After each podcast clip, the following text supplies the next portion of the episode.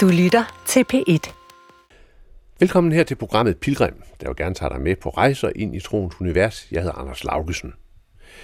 Pilgrimsbevægelsen i Danmark begyndte for sådan cirka 25 år siden, og den har udviklet sig til at blive et meget tydeligt element i dansk kirkeliv. Flere stifter har i dag ansat særlige pilgrimspræster, og det er blevet meget almindeligt at arrangere pilgrimsvandringer rundt om i de lokale sogne. Det er noget, der for bare en 10-15 år siden ikke var tilfældet.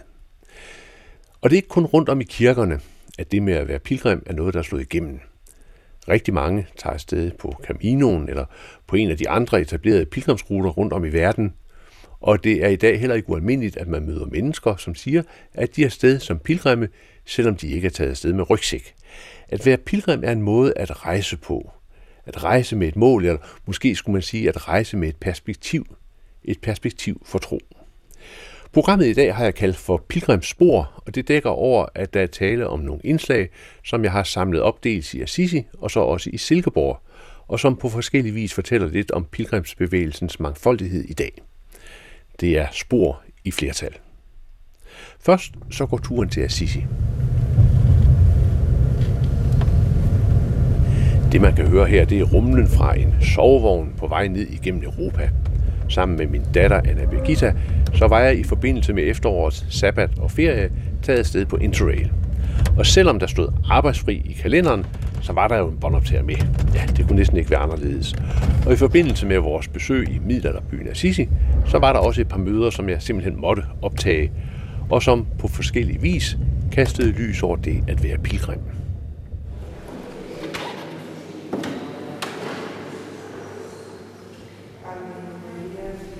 Vi er inde i Santa Clara-kirken midt i Assisi.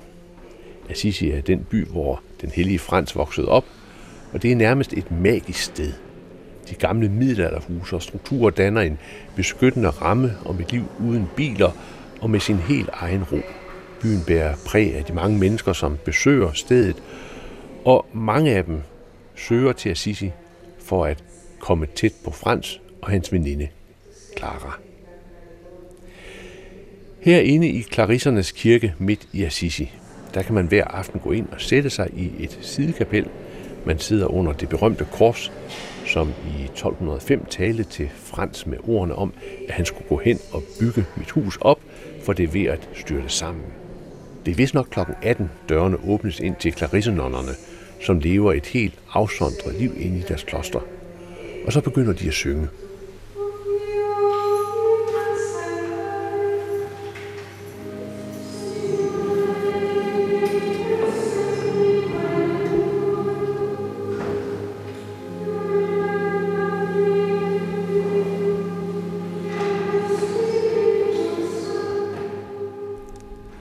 Det er øjeblikke af stor skønhed og ro.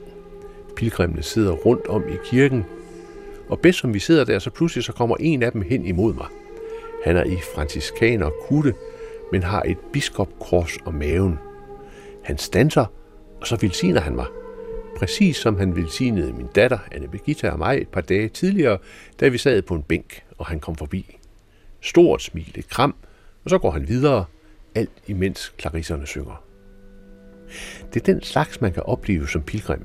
Verden bryder sine vante rammer og skubber lidt til en. For hvor ofte oplever man at blive velsignet på åben gade eller en biskop på vej ud af en kirke? Måske man gør, hvis man kommer som pilgrim til Danmark.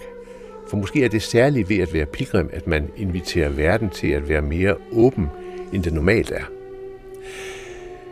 Anna Birgitta og jeg, vi havde aftalt at møde danske bruder Theodor, som skulle vise os rundt i San Francisco katedralen.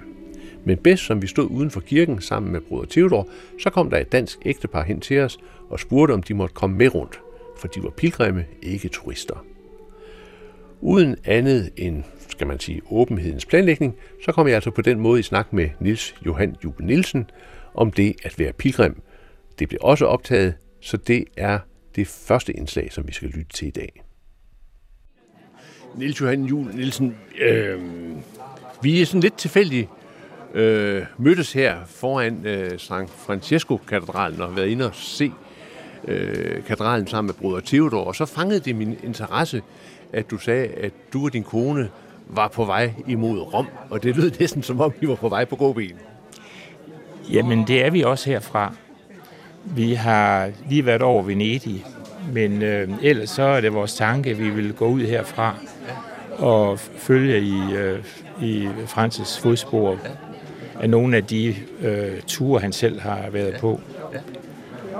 Og øh, det er jo selvfølgelig ikke kun for at holde lidt øh, ferie. Det er selvfølgelig fordi, at, øh, at øh, der ligger en inspiration i at, at dvæle lidt ved, ved, ved de tanker, som, og, og det virke, som, som Frans øh, havde. Så, så det gør det. Øh, og nu er jeg jo gammel Rudolf Steiner skolelærer og har beskæftiget mig med, med fransk. Og jeg har yderligere så også lagt mærke til, at i de sidste århænger, der har været en øget interesse for, for fransk, som passer meget godt øh, sammen med min egen søgen. Øh, så derfor så vil jeg give rum for øh, at se, hvad der kunne opstå på sådan en, en tur. Hvordan, øh, hvordan gør I det så sådan rent konkret? Altså, hvad, hvordan strukturerer man sådan en tur? Jamen, øh, altså, Assisi er jo, er jo udgangspunktet. Og så har vi en, en, øh, en lille bog, der fortæller lidt om, om øh, vandreture hernede, som, som Frans har gået på. Og den er så vores hjælp, men ellers så er det helt ude i det, i det fri, om jeg så må sige, at vi øh, improviserer, som vi kommer frem. Se, hvad der opstår. Ja, simpelthen. Er der, er der så nogle, nogle specielle hvad skal vi sige, spørgsmål, som I ligesom tager med jer, eller altså, er der noget, I vandrer med? Fordi det hører man jo tit, der er. Altså helt overordnet kan man vel sige, at, at verden er lave, og at vi øh, bliver nødt til at opgive, eller i hvert fald revidere mange af de begreber, der er galt indtil nu. Og at vi ikke har det nye begrebssæt på plads. Og i det mellemrum der, der er det jo en, en stor udfordring, både at kunne bidrage, men også at have alle antenner ude for at, at være med til at, at, at, at, at bidrage til det nye, der skal opstå. Og øh, der synes jeg jo, at, øh, at Francis egen øh, historie øh, kan bidrage. Altså, hvordan han træder ud af familien, hvordan han øh, gør op med det politiske, hvordan han øh, også øh, har et opgør med, med, med, med kirken, og hvordan han slår sig sammen i nye, nye fællesskaber, og hvor det at dyrke jorden bliver noget centralt.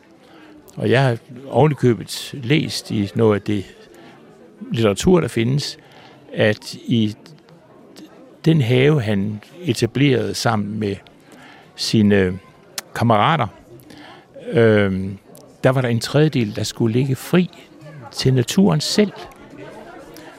Og det er jo lige altså noget, jeg synes er meget centralt i øjeblikket. Og så passer det også for mig sammen med nogle af de strømninger, der lever i dag, hvor det økologiske er helt nødvendigt at have med i alt, hvad vi har med at gøre. Hvordan feminismen med omsorgen er noget, vi må bære med os, men også måden, vi organiserer os på, som må have udgangspunkt i et direkte demokrati. Og med direkte demokrati menes her, at man altså øh, gør det i respekt til det andet menneske, og at man øh, træder bort af alle, fra alle hierarkierne og prøver at finde frem til øh, en ny basis, hvor vi ud fra nogle øh, moralsk-etiske værdier kan øh, få en ny form for dømmekraft. En ny form for dømmekraft. Og, og det er så noget af det, du sådan set ser, øh, at du kan spejle dig i, i, i fortællingen om Frans? Ja, det er det i høj grad. Altså det med mennesket, det med økologien og det med omsorgen. Det er sådan, jeg selv har, har læst ham. Øh, man kan jo godt sige, at der, altså, for det første er der selvfølgelig rent tidsmæssigt langt tilbage til, til 1200-tallet, men, men jo også i vores, øh, vores måde at leve på. Vi har lige derinde set den øh, kutte, som Frans han blev øh, begravet i, som virkelig var en, en sammensurium af tøjstykker, der var filtreret sammen meget, meget enkelt. Ikke? Og det gav jo sådan en følelse af den der enkelhed, som jo altså også nutidens franciskanere gerne vil afspejle. Men den der enkelhed og fattigdom og, og sådan øh, står jo på en måde i utrolig skarp øh, modsætning til det liv, som vi alle sammen lever i dag, uanset hvor meget vi gerne vil leve enkelt. Ja, men øh, netop fordi, at vi står i sådan et øh, stort skifte nu, så er det jo altså rigtig vigtigt, at vi ikke vælger forkert, at vi finder frem til nogle af de bærende øh, værdier. At øh, det måske frem for alt det forbrug, som jo kendetegner livet i dag, at, øh, at det da måske mere i høj grad må være livet selv, der skal stå i, i centrum. Øhm, min datter og jeg, som, som er hernede på, på, på ferie, vi, øh, vi har haft øh, to øh, sådan bemærkelsesværdige oplevelser. Den ene, øh, det var, at lige ved siden af den øh, lille øh, lejlighed, vi boede i, der holdt der nogle unge franciskaner øh, nonner til. Øhm, og det var bare øh, det var bare sjovt, fordi de kom, man kunne se, de slå, døren slog op, og så kom de ud med sådan en energi, og det var ligesom om, at de næsten spredte livsglæde omkring sig. Og så var der så en, en der stod inde bag ved et vindue og, og kiggede ned på os, og, og så pludselig så siger hun, skal jeg ikke komme ud? Så kom hun ud, og så hun kunne ikke snakke særlig meget engelsk, men, øh, men det gik godt, øh, fordi hun havde sådan en, en enorm glæde og livsenergi. Ikke? Og, og der kunne man fornemme noget af det, du siger, at altså, Altså, øh, det er ikke nødvendigvis alle de Gucci-tasker, man har, som, som, som, som, som giver glæde, men, men der var noget, der kom ind frem. Så havde vi en anden øh, oplevelse, som, som også var helt specielt. Vi gik ned til St. Dimiano øh, kirken, som ligger sådan lidt neden for Assisi, øh, og øh, sådan et, et, et stille sted. Og da vi så kom derned, så kom der en ung mand, som, som lignede, jamen han lignede sådan lidt en hippie sådan fra, fra Indien med øh, hår, der ikke havde været klippet. Det var, så det var sådan helt øh, uldent, og han havde sådan et... Øh, øh, ja, jeg ved ikke, hvad man kan kalde det, et, et, altså det var en slags tæppe over sig, og, og så gik han barefodet og havde en, en stok, og øh, øh, nogle ganske, ganske få ting.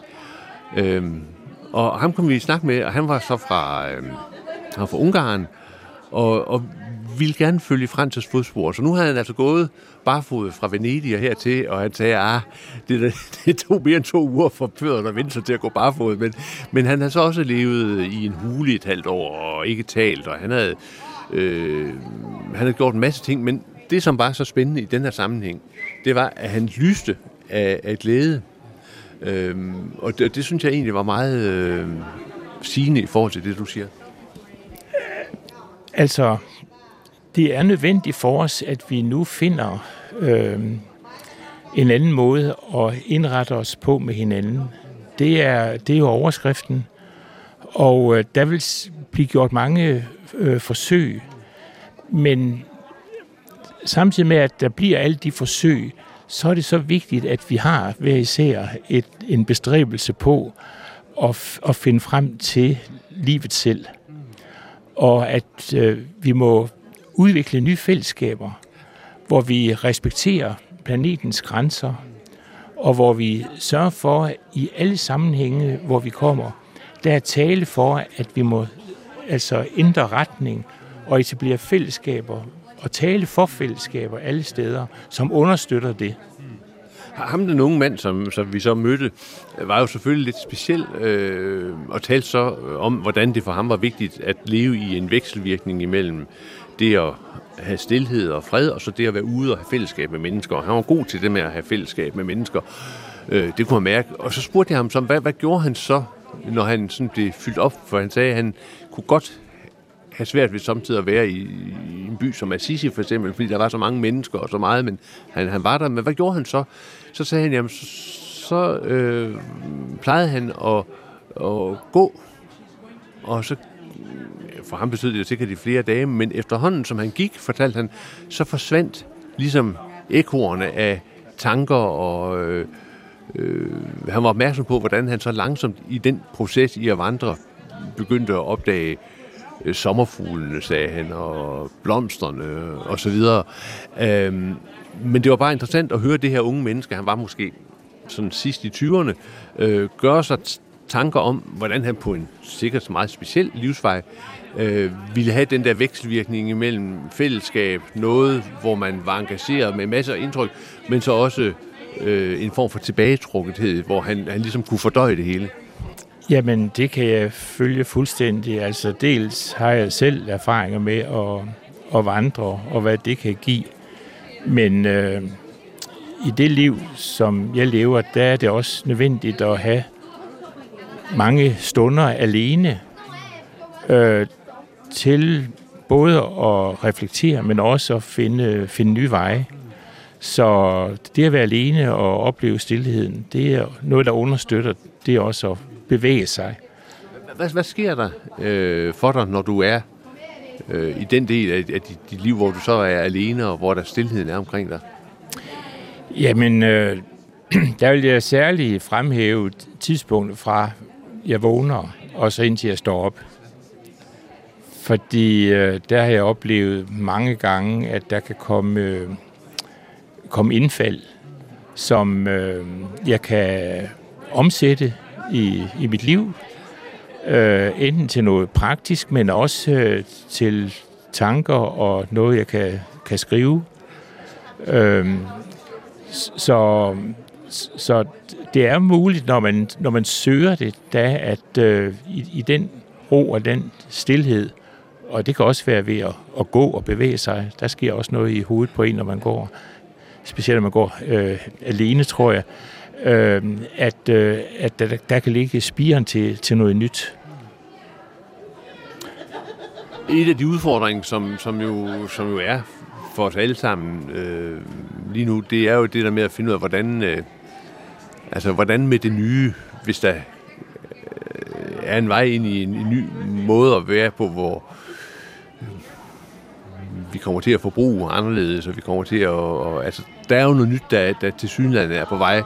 Øhm, hvordan bruger du det der mellemrum i din bestræbelse på at finde noget nyt? Altså, hvordan, hvordan, hvordan lytter du til de inspirationer, der kommer ind, og hvordan får du det ligesom øh, måske omsat eller bearbejdet? Altså, for det første er jeg jo allerede med i en række fællesskaber, øh, hvor hvor der er hele tiden en, en dialog, og der er en utrolig søgen efter at finde nye begreber eller nye åbninger til at kunne etablere nogle platforme. Der er allerede mange værdifulde ting, der er blevet gjort, men som ikke rigtig har, har vundet frem endnu. Øh, der er mange økologiske øh, fællesskaber. Der er rigtig mange øh, bestræbelser omkring det feministiske. Øh, og der er også et stort, stort arbejde på, på det mere personlige øh, plan også. Den måde, jeg bruger det på, det er jo hele tiden at være i en, i en dialog, sørge for at være i, i den dialog. Øh, og så lade den inspiration, jeg selv mener at få, blandt andet ved mine morgen, samtaler, eller hvad vi skal kalde dem, øh, da og, og, og, og komme, komme med dem. Øh, og ellers er det jo en omlægning af stort som småt, som vi skal, vi skal i gang med. Altså, vi lever jo i Danmark, som om vi havde mere end fire planeter til rådighed. Og det er jo hele vores livsstil, og et langt liv har jo præget os i en bestemt uheldig retning, så det er nogle store koldbøtter, der skal slås. Det vi taler om nu, er det sådan øh, bæredygtighedsarbejde, eller har det også at gøre med det, man måske øh, kunne kalde tro og spiritualitet? Altså, nu bliver det, øh, nu bliver det lidt mere indviklet, vil jeg sige. Øh, men, men det handler jo om, om begge dele.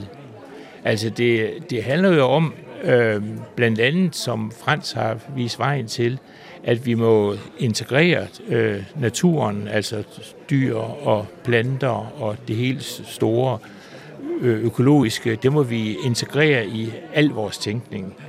fra at det mere har været vores hjemmeegn og vores nation og måske Europa, så bliver det altså en udfordring nu at tænke øh, globalt.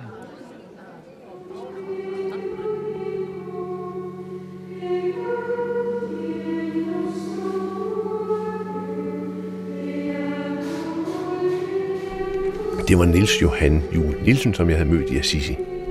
Tilbage til Clarissernes sang.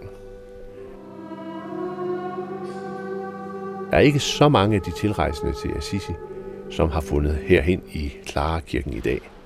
Man kan også være pilgrim på mange måder, og det specielle er, at man opdager, at pilgrimme har det med at tage forskellige sider af et steds historie til sig og gå til historien på deres helt egen måde. Danske bruder Theodor er en af dem, der har rigtig mange års erfaring med pilgrimme, og jeg spurgte ham, hvordan han oplever pilgrimmene i Assisi. Bruder Theodor, vi står her med en fantastisk udsigt ud over den øh, dal, øh, som man kigger ned i fra Assisi. Og vi er ved øh, San Francesco-kirken. Det myldrer med mennesker, som øh, kommer ind for at se det her fantastiske sted og vandre rundt bagefter i Assisi. Du har boet her i rigtig mange år. Hvad er det, efter din sådan mangeårige erfaring, hvad er det, mennesker søger, når de kommer her? Åh, oh, det, det er et godt spørgsmål. Jeg, jeg tænker, at alle søger øh, en eller anden øh, enkelthed, øh, som jo Frans jo står for. De søger om at, at ligesom opleve Frans nærvær, som man stadigvæk bruger den, eller kan bruge den dag i dag. Så øh, der, der ligger ikke noget særligt abstrakt i det. Egentlig sådan øh, forbavsende enkelt, og, og det er nok det, jeg selv stræber efter, enkelthed. Så, så, så, så det vi ser her, når vi ser de mange mennesker komme gående, er, øh, er det så udtryk for en form for måske urlængsel? Ja, det kan godt være, altså, fordi ofte så kommer de bare som ganske almindelige turister indtil øh, de har været inde igen kirken, og hvis så har været en medbror, der har kunnet guide dem rundt, så opdager de lige pludselig noget helt andet. En, en, øh, en tro, øh, øh, en form for tilstedeværelse, hvor jeg har lov til at være. Hvad, hvad mener du med det? Jamen det mener jeg, altså, det er jo øh, i vores fortravlede samfund, der kan vi jo hurtigt blive i mængden ensom, fordi vi skal nå så meget, vi skal gøre så meget. Her, er det ligesom, her kan jeg ligesom pludselig øh, bare, bare være der, uden, uden at nogen forlanger noget af mig. Ja. Og falde ind i de fantastiske frisker, der er dernede. Ja, ja, ja. Men så er der jo også en, en, en række mennesker, som ikke kommer og altså som og så går igen forholdsvis hurtigt, men som, som ligesom kommer til Assisi som det, man kan kalde altså dedikerede pilgrimme. De, altså alle er vel pilgrimme, men sådan dedikerede pilgrimme. Hvad, hvad er så dine erfaringer med mødet med den øh, kategori af, af, af besøgende her? Jamen, altså, når det drejer sig om pilgrim, som jo som er kommet her, fordi vi vil også selv opleve den åndelighed af Francis tilstedeværelse, øh, det oplever man jo også bare alene ved at gå igennem byen. At man oplever det ved at, at give sig tid til at se sig omkring. Det er ikke kun freskerne i, i kirken, som selvfølgelig er, er et, et, utroligt spændende, men det er ligesom stedet, hvor jeg bare kan få lov til at være der. Altså, men der, der er ikke nogen, der stiller krav til mig. Øh, jeg kan da huske selv, da jeg første gang jeg var her i 1984, jamen, det var jo en, en, en åndelig frihed, som, som jeg jo kendte noget til, ikke? og som berørte en. Ikke? Og det tror jeg, det berører mange mennesker på dem, selvfølgelig mange forskellige måder. Det er jo, øh, fordi vi er jo forskelligt, opfatter det forskelligt, og, og det skal der være plads til. Men ind i den den frihed, og det, det kan jeg virkelig godt øh, forstå, øh, fordi den, den spejler sig på mange måder. Den spejler sig i kirken, men den spejler sig også på caféerne. Ja. Den spejler sig ved, ved, ved, ved, ved hvilen ude i landskabet, ja. ved, ved naturen osv. Men ind i den sådan grundfølelse af at, at være et sted, hvor der er øh, plads til, at man kan være og, og opleve, at livet er godt, kan man sige det, ikke? så er der så fortællingerne øh, omkring Frans, øh, som opstiller en række billeder, man jo også kan, kan spejle sig i. Hvad, hvad tænker du om, om hvis sådan nogle af de nedslag, der er i, i Frances fortællinger, hvor er det, vi i dag øh, spejler os ind i fortællingen om Frans? Jamen, jeg, jeg, jeg, tror, jeg tror, at vi alle sammen længes efter noget, som vi ligesom kan blive dus med. Øh, og når vi tager sted på, på rejse eller noget, så ser vi jo mange kulturoplevelser, og det er jo spændende. Men øh, det er ligesom stanser der, hvor, hvor på her kan lige pludselig opleve, at de selv er en del af den. Og, og, og hvis, du, hvis du så er så heldig, at de får en, en broder, så meget som siger, jamen, øh, jamen I er en del af, af historien, af freskerne. Og øh, det, det giver jo også øh, giver en, en fantastisk oplevelse for dem, men også for mig. Altså, jeg har oplevet mange gange, når jeg har grupper, som de, når jeg spørger dem, når jeg har nogle spørgsmål, og det ved jeg godt, de ikke har, fordi de er bare med det, de har bare fyldt det med, med, med, med, med anekdoter og, og historier. Men de er glade, altså, fordi de oplever lige pludselig, jamen, her er noget, jeg kan være med i. Jeg skal ikke være intellektuel, jeg skal ikke være øh, teologisk, jeg skal ikke være noget som helst. jeg skal bare være mig selv. Noget, noget af det, jeg synes er fascinerende ved øh, gamle fortællinger, som for eksempel fortællinger om, om Frans, det er jo altså det der med, at man, man, man spejler, men altså også, at de kan være udfordrende. Og nu, da vi var rundt, så stansede vi foran et af billederne i fortællingen om Frans, nemlig der, hvor han giver alle sine klæder tilbage til sin far. Faren vil have, at han skal være købmand og øh, lægger sag an imod ham og sådan er ret hård for ham. Og Frans siger, fra nu af, der er min far kun min far i himlen. Ikke? Øhm, og, og, og den øh, situation, hvor, hvor, hvor Frans synes uforsonlig i forhold til sin egen far, øh, har jeg altid sådan øh, tænkt, det var, det var det, altså det, på en måde har det provokeret mig. Og, og der havde vi jo nogle, nogle, en spændende refleksion omkring det. Ja. Nå, men det, det er provokerende. Ikke? Det er provokerende at, at reagere på den måde.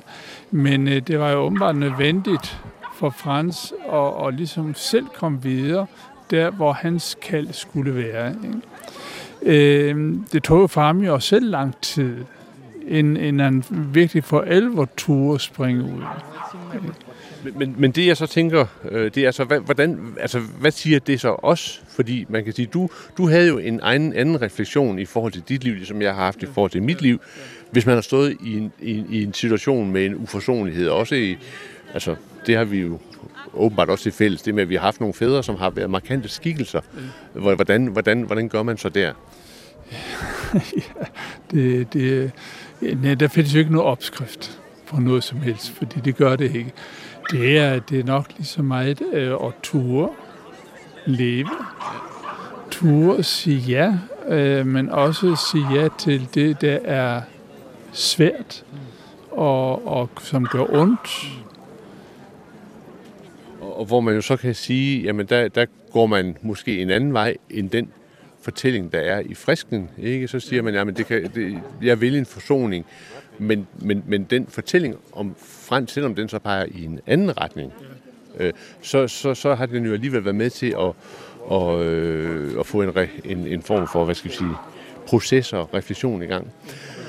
Noget af det, som, som, øh, som jo også er omkring de der store helgener, og specielt omkring Frans, det er jo, at øh, billedet af dem øh, også er præget af den tid, vi lever i. Ikke?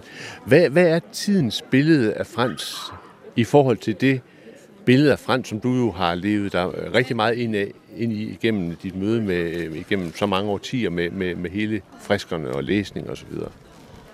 Altså, er Frans blevet lidt mere sådan sød i, i, og, og rar og forsonlig, sonlig i dag, end han var tidligere? Han er mere forsonende, men ikke sød. Han er blevet mindre sød, jo mere jeg, jeg prøver at, at lære ham at kende. Jo, men jeg tænker på billedet af ham i dag. Altså, det, det er jo sådan en sød Frans, ikke? Jo, men det er rigtigt nok, og den har vi jo så som franskerne selv været med til at skabe os. Ikke? Og, og den er altså øh, ret stærkt imod, fordi jeg bryder mig altså ofte er det sådan, at øh, italienerne kan ikke lide øh, helgerne, det er for besværlige. Så er det, øh, så er det bedst at, at, at skabe noget, øh, ja, noget rav i det på en eller anden måde. Men øh, Men altså, vi har også bare så forskellige tilgange i det der. Altså, det er jo det er aldrig ens. Ikke? Det, men man, man, man hører jo for øjeblikket meget sådan fortællinger om Frans, der, der er blevet en helgen for økologi og ja, ja. taler med fuglene ja. og øh, sådan på den måde jo altså er blevet et... et, et hys. fordi? Nå, men fordi det, det giver ikke det billede af ham. Vi, det, øh, vi har gjort ham til noget, som han egentlig ikke er. Det der med økologien, øh, det er jo fint nok, og jeg går også ind for økologien osv., men han har bare aldrig kendt det ord. Ikke? Det, det eksisterede ikke. Og så kan jeg selvfølgelig, øh, så må jeg sige, jamen altså, hvis man så prøver på, jamen Frans, han, han spiser aldrig kød, og det, øh, for det, det er jo noget sludder, for det, det gjorde han jo. Han, han spiste det, han fik. Han var jo tigger. Ikke? Så, så bruger man det, man får. Eller man spiser det, man får. Øh, men Altså, jeg har måske en anden tilgang, for jeg kommer fra en anden verdensdel. Ikke? Jeg kommer fra Norden, hvor vi er mere, øh, øh jeg vil sige det, firkantet i sin opfattelse nogle gange. Men som, som så giver en god, øh, god øh, spil med det italienske øh, temperament, og så mit temperament, det, det får lov til at... Ja, for man kan sige, at der er et billede, som er meget kendt, øh, som bruges af Frans, der, der står over for nogle fugle, ikke? Og, og en udlægning af det så er Frans, han, han prædiker for fuglen og taler med fuglen og er sådan, ikke? Men, men, men i dag, der gav du sådan lidt anden, der, var det, ligesom, der gik han lidt i rette med fuglene. Øh, ja, fordi altså, det, er jo, øh, det er nok også, fordi jeg selv gerne vil have, man, man tænker en lidt anden bane, fordi så sød var han heller ikke over for, for dyrene og blomsterne osv. Men for ham var alt jo gudskab, og det der er gudskab, det skal jeg være god ved. Og, øh, øh, og hvis ikke er det, jamen så har jeg ikke forstået Guds skaberværk. Og det, det er nok der, hvor min mission ligger selvfølgelig i, at selvfølgelig kan jeg blive øh, vred over nogle ting, men jeg, jeg taler da stadigvæk med fuglene. Jeg bliver 75 og taler stadigvæk med fugle og blomster, når jeg kan komme til det. Fordi det er bare noget, man gør. Det er, det er en Guds gave. Og Frans så det her som en gave øh, og, øh, og også tage konsekvenserne af det. Nu har du været franciskanerbror i, ja, mange år. Ja, siden 88. Siden 88, ja. Øhm, det at leve med det perspektiv, som Frans giver på tilværelsen, hvordan har det, øh, hvordan har det forandret dig? Jeg ved ikke, om det har forandret mig så meget. Jo, det har forandret mig. Selvfølgelig har det det. Men, men øh, jeg er nok blevet mere mig selv. Tør være mig selv. Ikke? Altså, jeg, fordi jeg, jeg, skal ikke gøre, øh, jeg skal ikke gøre mig til over for noget. Jeg skal ikke forklare, hvorfor jeg er sådan, for jeg er sådan, som jeg er. Og det synes jeg egentlig, at det gennem mit liv som, som ordensmand har jeg haft øh, den mulighed for at, at se, jamen, du kan kun være den, du er. Hvis du ikke er det, så bliver du en anden end som du ikke skulle have været. Og det tror jeg, det er vigtigt for os alle sammen, og vi leder jo alle sammen efter en form for identitet i, i vores liv. Øh, og, og nogen skal gå store omveje, andre det behøver ikke gøre det så store omveje, men altså, vi skal bare følge den, vi er, på godt og ondt. Er det det med at være skabt, kan man sige? Ja. Skabt af Gud? Ja. Fordi det, det er jo en skæbne, altså vi, vi bliver jo skabt og formet, også af den øh, omverden, hvor vi kommer fra, øh, familie og så videre. Øh, øh, der har det taget sin tid, inden, inden jeg selv turde egentlig sige, altså hvem jeg egentlig er. Ikke? Og det ved, så ved jeg det heller ikke engang i dag.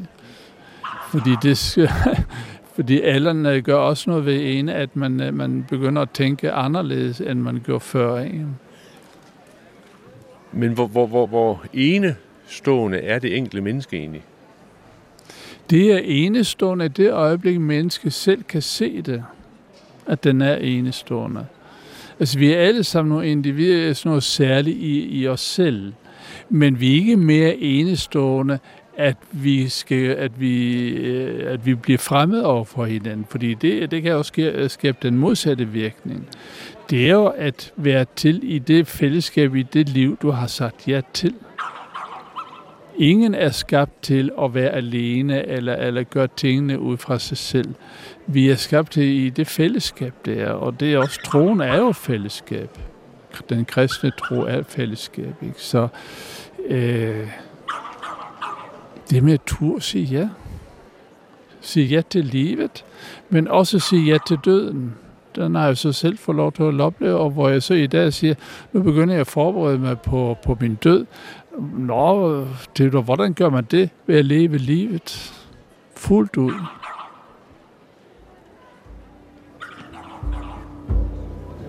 Visker din vilje ske i det åbne og går i pilgrimme spor langs fjeld og fjord. Himlen er selvsomt nær. Det skal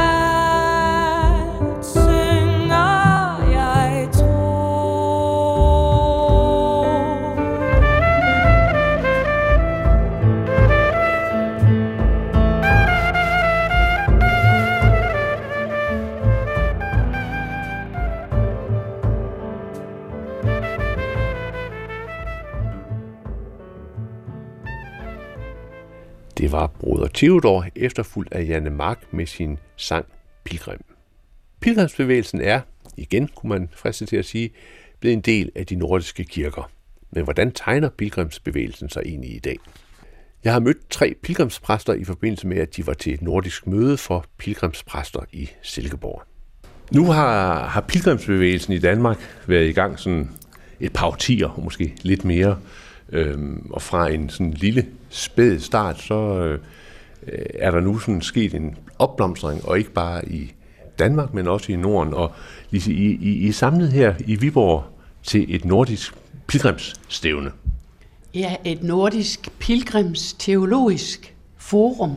Det er et møde, som øh, næste år kan fejre 25 års jubilæum. Det er en samling, hvor kirkelige fra Nordens kirker kan mødes og tale om pilgrimbevæ- pilgrimsbevægelsen. Hvis, hvis man nu sådan tager temperaturen på pilgrimsbevægelsen lige nu, hvad, hvad er det så for... Øh, hvad er det så for nogle, jeg ved ikke, om man kan kalde det behov eller længsler, hvad er det for nogle længsler, som pilgrimsbevægelsen i dag møder?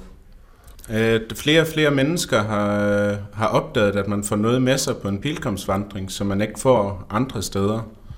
At der er mange, der enten har taget ned til Spanien og vandret og fornemmet noget særligt på Caminoen dernede og taget det med hjem i, i mindre målestok, måske til, til små vandringer, eller se, hvor der er vandringer i, i sovnemenigheder eller i forskellige øh, pilgrimsfællesskaber rundt om i, i Danmark, som, øh, som er vokset op de seneste 20 år.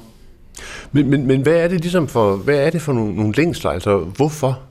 Hvorfor tage på pilgrimsvandring i dag som? Ja, jeg tror folk, de, øh, altså vores verden er jo meget travl, den hverdag vi lever i, øh, og øh, verden er også kompleks i en eller anden forstand. Man har brug for et øh, ånderum, et lille pusterum, hvis man må sige det på den måde, og, hvor man lige kan sætte farten ned, måske føle sin egen hjertebanken, høre sit eget åndedræt og, og ånde. Og det er jo vigtigt at ånde, det ved vi jo godt, hvor vigtigt det er at ånde. Og lige det tror jeg, at de kan finde ud af, altså, hvor det går op for dem, at hvor, hvor, hvor godt det giver at gøre den, mm. at, øh, at øh, holde en, en lille pause, hvis man kan sige det. Men også, øh, at det er, det er både for krop og sjæl, fordi at du rører dig også, når du går. Det giver også en fysisk velvære. Øhm, og det er med, at vi er sociale væsener. Det kan, i, I stillhed går man meget ofte, når man er på pilgrimsvandring, men man kan også snakke sammen et stykke af vejen. Men også bare det der meget billedlige eller metaforisk i det, at du går et stykke af vejen. Det kan også være livets vej, du går sammen. Og det er jo vigtigt, at man har en del at støtte sig til og sådan. Og det er det, man nok fornemmer, synes jeg, når jeg snakker med folk, der der, der går på pilgrimsvandring, eller ja, sådan søger sådan lidt, der går lidt for sig selv øh, i en eller anden forstand, for, fordi uh, det kan være for at finde sig selv, og det kan være også for at træffe nogle store beslutninger, og det er det der nogle gange meget store spørgsmål, man har i livet, men det kan også være bare at være.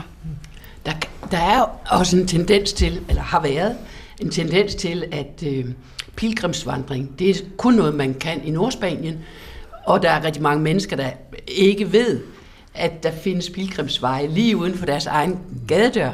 Øhm, så det, der har, jeg, jeg har sådan en kæphest med at, at udbrede øh, samtalen om, at pilgrimsvandring er for alle, alle steder, øh, og kan være stille, stillesiddende endda. Øhm, og at der ikke er nogen rigtig eller forkert mm. pilgrimsvej. Og, og jeg tror, øh, at nogle af dem, der bliver ved med at komme tilbage og bliver grebet af det, det er, ikke, det er fordi, de møder også andre end sig selv. De møder Gud i sig selv og de andre, når de går. Nu, nu du jo været sovnepræst i rigtig mange år, øh, i sådan, øh, både et mindre sovn og et lidt større sådan forstadssovn til Aarhus. Øh, er det de samme mennesker, du møder, når du er ude på som dem, du møder i, i sovnekirken sådan om søndagen? Ja nej. altså, der er, jo, der er jo engagerede mennesker i alle menigheder, som heldigvis øh, er med, når der er øh, samvær og fællesskab. Men, øh, men ellers så er det i, i, i Hørning for eksempel ved Aarhus, der har vi haft mange år en, en tradition, der øh, bliver kaldt kirkevandring, hvor det, man samles til gudstjeneste, og så har man vandringen resten af dagen med små pauser indlagt. Og det samler nogle helt andre, hmm. end dem vi ser øh, om søndagen. Men, øh, og, det, og sådan er det jo også generelt. Ligesom når øh, jeg har holdt friluftsgudstjeneste altid, og der, det er også nogle andre, der kommer. Mm. Fordi det er, der er i Danmark en, øh, en tendens til, at vi tror, at vi skal vide, hvordan vi skal være i et kirkerum. Og så når vi kommer ud i det store kirkerum, så tør de bedre, mm. fordi det er der, de plejer at være. Ja. Prøv lige at beskrive, når man går på, på, på pilgrimsvandring, hvad er forskellen på den, hvad skal vi sige, refleksion, eller hvordan er refleksionen i forhold til det med Gud, øh, når man er på pilgrimsvandring, øh, modsat det for eksempel at være til gudstjeneste, hvor man, hvor man, hvor man synger og lytter til prædiken osv.? Ja, altså pilgrimsvandringen kan jo på, øh, på en måde også blive en, blive en gudstjeneste, eller et, et sted, man for, forbinder sig forbinder sig med, med Gud, og kommer til at tænke på, at man ikke, man ikke er alene.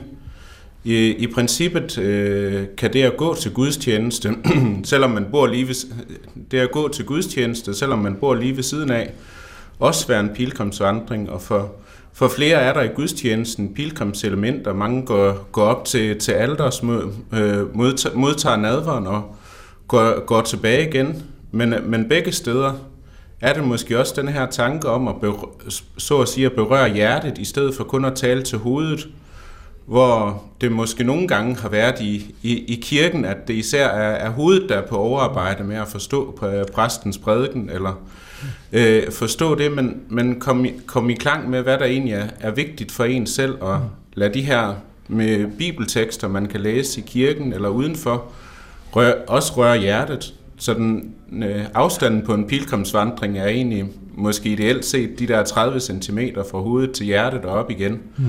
At det, det er en afstand, man også skal have netop i, på kortere distancer, end hvis man går i tre uger på Caminoen. Du, du talte om, om åndedrættet, øh, og det får mig til at tænke på kropslighed. Altså når man sidder i, i en almindelig sovnekirke til gudstjeneste, så er der jo ikke meget kropslighed i det. Altså, ja, det synes jeg i hvert fald ikke, det er. Men, men det er der jo, når man er ude og vandre og åndedrætte. Øhm, kan du måske folde det ud, det der med åndedrættet og kropsligheden og pilgrimsvandringen i forhold til Gud? Ja, altså, vi siger også, at øh, man siger også, at, øh, at bønden er så vigtig, at den er til at sammenligne med åndedrættet. Øh, og den er åndedræt i et gudsforhold, så, og, og det, øh, det er nok der, jeg også tænker på mm. med åndedræt, at, det, at man øh, holder den pause, der også er nødvendig, hvor man lige skal følge efter i sig selv, øh, og, øh, og, og, og føle i sig selv også, for nogle gange så kan det gå med så meget øh, hastighed, mm. at man dårligt nok kan følge med selv, både i det, det man er i gang med i det daglige, men også hvad der sker omkring en. Mm. Så, øh, så åndedræt, det ved vi, hvor vigtigt det er bare for vores læme, hvor vigtigt det er at ånde. Det holder liv i os. Og sådan er det også med det, med, med øh, gudsforholdet, at det, det kræver også sin, sin åndedræt. Ja. Og det er bønden, at du har et forhold til Gud. Øh, og, og, og det er virkelig mange, der i deres vandring, og det kan være som på færøen i de øh, kortere eller længere ture, øh, men øh, også som, hvis man tænker på ude i, i, mm. i verden, at hvis man tager på den der meget berømte Santiago de Compostela, eller Caminoen, en af dem, så, så er det virkelig mange, der også føler, at de kommer tættere på Gud, og, og nogen de bare, ja, det er forskellige årsager, hvorfor de drager afsted, men i hvert fald er det den, man meget ofte hører, at det er det der forhold. Men, men, men det, jeg tænker på, det er også den der altså kropslighed. Ikke? Man er ude, man vandrer. Nu har det lige været vildt blæsvejr nogle dage. Ikke? Man, man, man bliver blæst igennem, når man får røde kinder, eller hvis man går længe nok, så får man ondt i benene og ondt i fødderne. Og, altså øh, på en måde bliver forbundetheden til verden øh, jo virkelig følbar ind i kroppen. Øh, Øh, og, og øh, i kristendommen er jo en, en religion, der taler om inkarnation, at, at, at Gud blev menneske, men altså også, at ting skal blive virkelig i, i vores kroppe. Øh, Lise, hvad tænker du om det der? Sådan? Jamen, det, det, det tænker jeg, at det er fuldstændig spot on, fordi øh, i, i pilgrimsvandringen, der, der, der sker også en opmærksomhed. Der, øh, opmærksomheden bliver meget, meget større på det hele. På skaberværket, på frelserværket, på relationerne mm. i, i det åndelige. Øh, både, ved, både ved hjælp af de syv nøgler, som vi jo ofte bruger i med langsomhed og enkelhed og øh, åndelighed og fællesskab. Øh, og bekymringsløshed, og som jo et vidunderligt ord. Øh, det er den ene ting, at man, altså man kommer mere i overensstemmelse, med, når både krop og ånd er med. Øh, men det andet, det er også, at opmærksomheden skærpes, fordi man er i færd med at sætte det ene ben foran det andet, og det kan man godt. Så opmærksomheden bliver det stærkere, mm. fordi man selv er med i bevægelsen, ja. der sker. Og den bevægelse, den sker også i gudstjenesten, hvis man kender den i forvejen og elsker den. Men ikke, den opstår ikke nødvendigvis bare af at komme i kirke. Mm. Og, og derfor bliver det fremmedgjort der, så man sætter et, et, et gitter ned, hvis man ikke kender det og elsker det på forhånd. Så, så, så på den måde er gudstjenesten i det fri så umådelig vigtig. Øh, og, og det er gudstjeneste i det fri. Men det kan, det kan jo også ske siddende, når, øh, når I, der er blevet arrangeret en pilgrimsfærd for øh, kørestolsbrugere eller rollator. Mm så er det jo ikke den store afstande, men bevægelsen, mm. der er med, skærper også. Jeg har lavet demensgudstjenester, hvor jeg har fået folk til at trampe, og det løfter næsten ikke fødderne, mens de sidder og tramper, mens vi synger, vi pløjede og vi såede til høst. Mm. Men smilet kommer frem, og der kommer lidt ild til hjernen. Ja. Og, og det er jo det, der sker. Mm. I, i sådan en luthersk sammenhæng, som man jo befinder sig i, i, i de, de nordiske kirker, Øhm, så er der i hvert fald i forhold til min forståelse af, af den sådan traditionelle lutherske syn på mennesket, så er mennesket jo et, et, et person, der som øh, sønder og øh, den man nu er, øh, er i et Guds forhold, hvor Guds nåde er det afgørende. Og, og i, i, i de fleste udgaver af det lutherske, ikke alle, men de fleste udgaver af det lutherske, der lægges der ikke særlig meget vægt på, at man bevæger sig fra A til B, fordi uanset om du har bevæget dig fra A til B, altså helliggørelse, som man, som man normalt taler om, så er du alligevel øh, den her sønder, der har brug for Guds nåde, og, og, og måske er selve bevægelsen også noget, man kan mistænkeliggøre lidt. Sådan har det i hvert fald været mange steder. Pilgrimsbevægelsen øh, synes mig, når man møder pilgrimme, at være udtryk for det moderne menneskes øh, længsel efter at være på en vej, hvor man også bevæger sig i forhold til, hvem man er som menneske. Altså på en måde bliver pilgrimsvejen ikke kun et spørgsmål om mit forhold til Gud, men det bliver også et spørgsmål om at gå på en eller anden form for øh, individuationsproces måske, altså hvor man, hvor man, hvor man bliver, bliver formet. Øhm, hvad tænker I om den problemstilling? Altså skaber pilgrimserfaringerne også ny teologi? Bevæger den nogle lutherske grundsynspunkter? Øh, altså, jeg vil jo sige, at uh, måske på, på en fin måde udfolder noget, noget af det, der, der er i, i, den, i den lutherske kirke. At pilgrimsvandringen blev dømt øh, lidt ude i, historien med reformationen, for man skulle ikke ud på en lang vandring for at bevise sine gerninger. At man måske øh, kasserede den tanke, at det var målet, der var det vigtigste, den lange rejse hen imod målet. Så er der måske nogle... Øh, øh, i starten af, da pilgrimsbevægelsen blomstrede op, som lagde utrolig meget vægt på vejen, som det vigtige, at målet ved de hellige knogler i, ved, ved målkirken var ikke det vigtigste. Men der er måske en anden tanke, det her med at tænke på alle stederne, som så at sige hellige steder. Steder, hvor man kan tænke over øh, sig selv i, i verden, måske i forhold til Gud og, si, og sin næste, både når man starter undervejs, øh, når man går eller spiser sin madpakke, deler den med andre, men også efter en, øh, en lang vandring, egentlig at få, få afrundet den her tur og gemme, lidt ligesom øh, mm. der står i Bibelen, Maria gemmer ordene i sit hjerte, egentlig gemme erfaringerne fra en pilgrimsvandring, når man kommer frem til en, til en domkirke, så alle stederne egentlig kan blive ansatspunkter til at tænke over både det, det det, det lodrette og det vandrette i forhold til Gud og i forhold til, til sig selv med andre mennesker, hvor synet måske skifter også under, undervejs.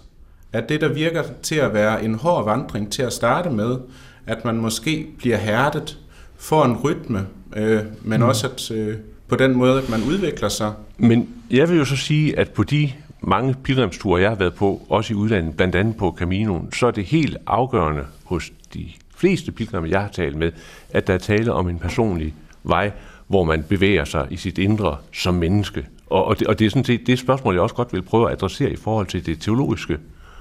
Jeg tror, at pilgrimsvandringen øh, hjælper mennesker til at opleve og opdage at, øh, det, den medvandring, som Kristus foretager med os altid. Mm. Ja. Den, den kommer frem der. Selv går han her ved vores side. Jeg tror også, det er det med, at med pilgrimstanken, så er vi alle pilgrim på livets vej. Og øh, vi bevæger os øh, hen mod det himmelske, kan man sige. Øh, men også her i livet, så har vi, vi er alle sammen pilgrim på den her livets vej, hvor vi alle har vores livsrejse. Vi har alle vores livsbagage, og det, så siger man også, at alt det, man er igennem, det er med til at forme os til dem, vi er. Så det er også den der personlige udviklingsrejse i det, øh, hvor man øh, på, på sådan en vandretur eller pilgrimsrejse, hvor man i virkelig høj grad får mulighed for at øh, reflektere og, øh, og øh, lave nogle store overvejelser. Og det kan være alt fra, hvad er det vigtigt for mig her i livet, og hvad er meningen med livet, og hvad vil jeg med det, der har, jeg har tilbage måske i livet, og, og det kan være personlige forhold, lige så vel som Guds forholdet. Og det er det der med at styrke relationen, både opad og, og så også den der vandrette øh, relation, der er... Øh, der er med til at, at udvikle en. Det var pilgrims- og sovnepræst Lise Palstrøm fra Aarhus Stift, pilgrims- og sovnepræst Christian Kær Bjerre fra Viborg Stift, og så integrations- og pilgrimspræst Marion Lomaklet fra Færøerne. Jeg havde som sagt mødt dem i Silkeborg. Først i programmet, der kunne du desuden møde Nils Johan Jul Nielsen og bruder Theodor. Her er det Anders Laugesen, som siger tak fordi du lyttede med, og forhåbentlig på genhør om en uges tid. Gå på opdagelse i alle DR's podcast og radioprogrammer. I appen DR Lyd.